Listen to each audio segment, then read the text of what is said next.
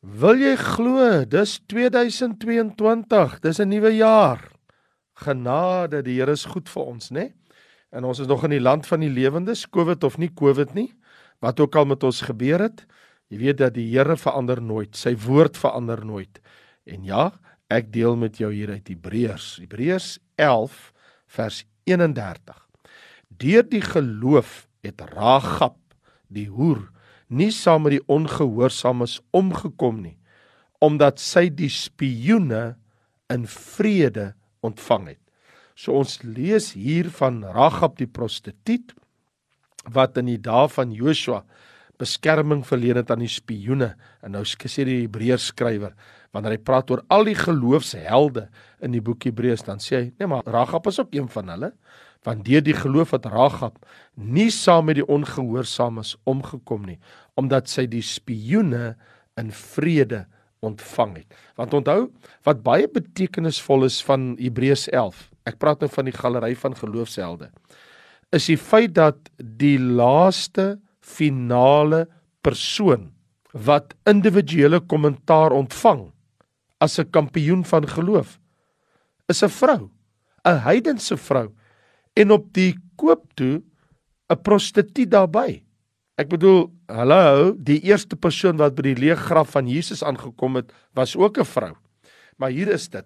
Ragab se geloof, 'n prostituut se geloof word aangebied as 'n voorbeeld van geloof vir almal wat begeer om 'n ware geloof in God te openbaar. Sy is die verkose een in die Bybel om in die besonder aan almal wat weet dat hulle sondaars is en diep binne in hulle harte begeer om God te behaag as voorbeeld te dien. Ragab se verhaal bring onmeetbare aanmoediging en gooi petrol op ons geloof. Dit vuur ons aan. Dit spoor ons aan. Ek bedoel wat hierdie vrou weet omtrent die God van Israel is opgeteken in Josua 2. Ek lees dit vir jou. Daarvan vers 8. En voordat hulle gaan slaap het, het sy, dis nou Ragab, op die dak geklim na hulle toe en aan die manne gesê: Ek weet dat die Here die land aan julle gegee het en dat die skrik vir julle op ons geval het en dat al die inwoners vir die land vir julle bewe. Want ons het gehoor dat die Here die water van die Skelsee vir julle by julle uittog uit Egipte laat opdroog het. Ek bedoel dis 40 jaar gelede en wat ehm um, Sion en Og oor kan die Jordaan aangedoen het dat julle hulle met die banvloek getref het. Toe ons dit hoor, het ons hart gesmeld sodat daarby niemand enige moed meer oorgebly het teenoor julle nie van die Here julle God. Hy is God in die hemel daarbo en op die aarde hieronder. Sweer dan tog nou vir my by die Here dat terwyl ek aan julle 'n guns bewys het, julle ook aan my familie 'n guns sal bewys en gee my 'n betroubare teken dat julle die lewe van my vader, my moeder, my broers en my susters en almal wat aan hulle behoort sal spaar en ons siele sal red van die dood. Toe sê die manne vir haar: Mag ons siel in julle plek sterwe. As julle nie hierdie saak van ons bekend gemaak het nie, dan sal ons, as die Here ons die land gee, aan jou guns en trou bewys. Dis 'n wonderlike verhaal want onthou, Ragab se eerste werk van geloof hou aan ons voor 'n ongemaklike waarheid, nê? Wat sy te leen vertel. Kyk 'n bietjie daar in Josua 2 vanaf vers 4. Maar die vrou het die twee manne geneem, dis die twee spioene van Israel, en hulle weggesteek. En sy het gesê, dis nou vir die manne wat uh, van die stad haar gekom het. Die manne van die koning. Sy sê vir hulle, seker, die manne het na my gekom maar ek het nie geweet waar hulle vandaan was nie en toe die poort met donker gesluit moes word het die manne uitgegaan en ek weet nie waar die manne heen gegaan het nie jaag hulle gou agterna want julle sal hulle inhaal so sy het 'n berekende leuen vertel maar dit was 'n handeling van geloof want sy het Israel se twee spioene weggesteek en beskerm sy het hulle gewis en seker van 'n sekere dood uit die hand van die koning van Jerigo gered. En dit laat my baie dink hoe baie Duitsers die Jode beskerm en weggesteek het van Adolf Hitler gedurende die Tweede Wêreldoorlog. So hier is Ragab en weet ons dat uh, Ragab se rooi tou was die tou van geloof want die teken was en dis wat hulle van gesê het hulle sê toe sê hulle met 'n mandjie laat afsak het oor die stadsmuur met 'n lyn en dit was 'n uh, 'n uh, rooi tou toe sê die manne van uh, hierdie woorde kyk as ons die land inkom sê hulle vir Ragab moet jy hierdie gedraaide rooi lyn waar jy jy ons laat afsak het aan die venster vasbind en jy moet jou vader en jou moeder en jou broers en jou hele familie by jou in die huis versamel. Elkeen wat dan vanuit die deure van jou huis buitekant toe gaan, dis se bloed sal op sy hoof wees en ons onskuldig. Maar uh, elkeen wat by jou in die huis sal wees, dis se bloed sal op ons hoof wees ingeval 'n hand teen hom is. Maar as jy hierdie saak van ons bekend maak, sal ons ontslaaf wees van hierdie eed aan jou wat jy ons laat sweer. Daarop sê sy: "Soos julle sê, is dit goed." En sy het hulle laat gaan en hulle laat weggaan en sy het die rooi lyn aan die venster vasgebind. So Ragab het in die rooi tou distrik gewoon, sê ek by wyse van spreuke. Want die Hebreëse woord vir tou is dieselfde woord vir hoop. Ek bedoel as iemand wil verdrink en jy gooi 'n tou na die persoon toe sê gryp die tou, daar's hoop. Of as iemand op 'n skip is en jy wil die persoon terugtrek want die persoon het in die water geval en jy gooi 'n tou. So die Hebreëse woord vir tou is gelyk aan hoop. So jy gee hoop as jy 'n tou vir iemand uitgooi, dan is daar hoop. En sy het hierdie rooi tou aan haar venster vasgemaak, die rooi tou, die hoop waarmee sy hulle laat sak het. Ragab het die God van Israel bely haar rooi tou wat aan haar huis se venster geanker is, is haar hoop op God se verlossing vir haar en haar hele familie wanneer Israel die stad Jerigo gaan kom inneem in die land Kanaan waar hulle oor die Jordaan kan kom. So die rooi tou vasgemaak aan Ragab se huis se venster vertel ons iets van hierdie vrou se geloof. Want alhoewel haar kennis van die God van Israel maar skraps is, openbaar sy 'n absolute volkomme geloofsvertroue in die God van Israel. En Ragab, hierdie prostituut, het onwrikbaar geglo dat die oordeel oor Jerigo kom. Dit is aankom. Dit is onverwendbaar. Maar haar redding vir haar en haar huisgesin is vas en seker want daar's 'n rooi tou wat aan haar venster hang. En dit laat my maar baie duidelik dink. Weet jy as jy verder in die Bybel lees en jy gaan daar spesifiek nou na Eksodus toe en jy lees in Eksodus hoofstuk 12 dan lees ons daarvan vers 21 tot 23 daar staan geskrywe dis nou die 12de hoofstuk nê nee? Eksodus hoofstuk 12 vers 21 en Moses sê vir die oudstes van Israel gaan haal vir julle kleinvee vir julle families en slag die pasga en neem 'n bossie hysop en steek dit in die bloed wat in die skottel, die rooi bloed, né? Die rooi bloed, steek dit in die bloed wat in die skottel is en smeer dit aan die stryk dit aan die bodrempel aan die twee deurposte van die bloed wat in die skottel is. Niemand mag uit die huis uitgaan tot die môre toe nie. Want die Here sal deurtrek en Egipte nastref, maar wanneer hy die bloed sien aan die bodrempel van die deurposte, sal die Here by die deur verbygaan en die verderwer nie toelaat om in te gaan en om te slaan, om dood te slaan nie. So toe Joshua en Israel en die twee spioene die stad Jerigo binneval, was hulle ontmoet by 'n ander maar parallelle teken, 'n rooi tou wat hang aan die venster van 'n gelowige vrou. Jy moet nou weet, hulle het mos om daai stad 7 keer getrek. En elke keer as hulle so om die stad trek, dan kyk hierdie twee spioene op en hulle sien die rooi tou hang nog steeds. Volgende dag kyk hulle sien Die rooi tou hang nog steeds. En elke dag wat hulle so om die stad trek vir 7 dae lank, sien hulle die rooi tou hang nog steeds. En die laaste dag het hulle 7 keer omgetrek. En seker het hulle Ragab gesien wat met groot oë daar deur die venster vir hulle kyk terwyl al hierdie duisende mense al om die stad loop 7 maal en die spioene elke keer as hulle opkyk, dan sien hulle daar kan hulle haar gesig in die venster sien en daar hang die rooi tou. En haar hoop is dat hulle het gesê my en my familie sal gespaar word. Watter geloofsvertroue openbaar hierdie vrou Ragab in die woord van die Here wanneer ons nadink oor hierdie vrou, die laaste persoon wat genoem word in die galery van geloofshelde, is 'n vrou en op die koop toe 'n prostituut wat haar geloof nou bely in die God van Israel. En sy staan alleen in hierdie hele stad. Net sy en haar familie is veilig terwyl Israel dag vir dag om daai stad getrek het en die laaste dag toe hulle 7 maal daar omgetrek het. En nou, die Bybel is baie duidelik. Hebreërs hoofstuk 11 vers 27 sê Deur die geloof het Moses Egipte verlaat want hy het volgehou soos een wat die onsigbare sien, wel Ragab ook. Want daar staan: Deur die geloof het Ragab die hoer nie saam met die ongehoorsaames omgekom nie, omdat sy die spioene in vrede in haar huis ontvang het. En jy weet, die Bybel is tog baie duidelik, nê? As ons gaan lees in Jakobus hoofstuk 2 vers 25.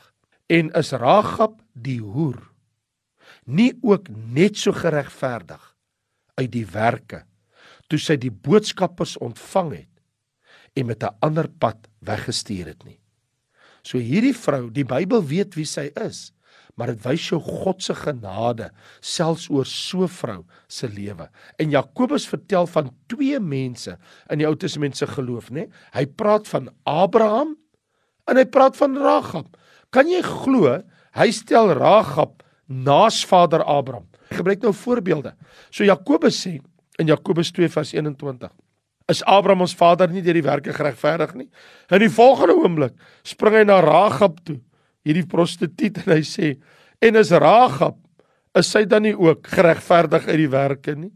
Abraham demonstreer sy geloof met groot koste. Hy offer gewillig sy seun terwyl Ragab demonstreer haar geloof met groot koste. Sy steek die twee spioene weg want as sy gevang sou word wat sy gedoen het, sou sy en al haar familie 'n wrede dood gesterf het. So hier's my vraag aan jou. Is ons geloof werklik? Kan ons geloof gesien word deur ons werke, deur ons optrede? Kos dit ons iets? Alhoewel Ragab nie alles verstaan het nie, Hierdie vrou het so min van die Bybel geweet. Ek bedoel sy het so min van God geweet. Sy weet niks bykans. Maar sy het op God vertrou, haar geloof word in werke omgesit toe sy die twee spioene in vrede weggestuur het en sy die rooi tou laat sak het daar by die venster vasgemaak het. Ons verwonder ons oor sulke geloof en wonder waar het Ragab hierdie geloof vandaan gekry? Maar kom ek vertel jou 'n paar goed oor Ragab. 1. Sy het geweet sy's 'n sondares. Sy het ook geweet dat die God van Israel is die enige God. Ragab was ja, gered deur haar geloof. Want die twee spioene se getuienis het haar finaal geopen vir die geloof, want hulle het met ons gister gesels by haar in haar huis dat God vir hulle hierdie land gee. En sy het dit geweet en sy kon dadelik agterkom hierdie twee kliënte van haar is anders. Hulle het nie gekom om by haar te slaap nie. Hierdie twee manne is nie sensualiste nie. Hulle is twee heilige manne met 'n onberispelike morele waarde. En hulle het net by haar kom wegkruip. En so iets het sy nog nooit voorheen gesien nie. Seker moet hulle van God wees, dit die Here hulle gestuur het en hulle ethos, hulle manier van optrede bevestig wat sy vroeër van die handelaars gehoor het, want sy het mos baie mense gehad wat by haar kom kuier het as 'n prostituut en hulle het haar vertel van hierdie volk wat aankom is. So sy het baie dinge gehoor en nou staan daar in Hebreërs 11 vers 31. Deur die geloof het Ragab nie saam met die ongehoorsaames ongekom nie. So een ding is verseker.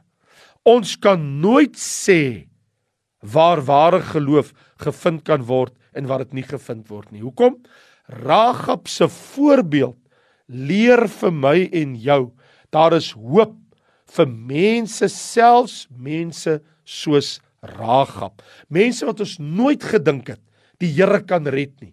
Mense wat ons nooit eens gedink het die Here na sal kyk nie. Nee nee nee, die Bybel is baie duidelik. Hoor wat sê Jesus in Matteus 21 vers 31 en 32.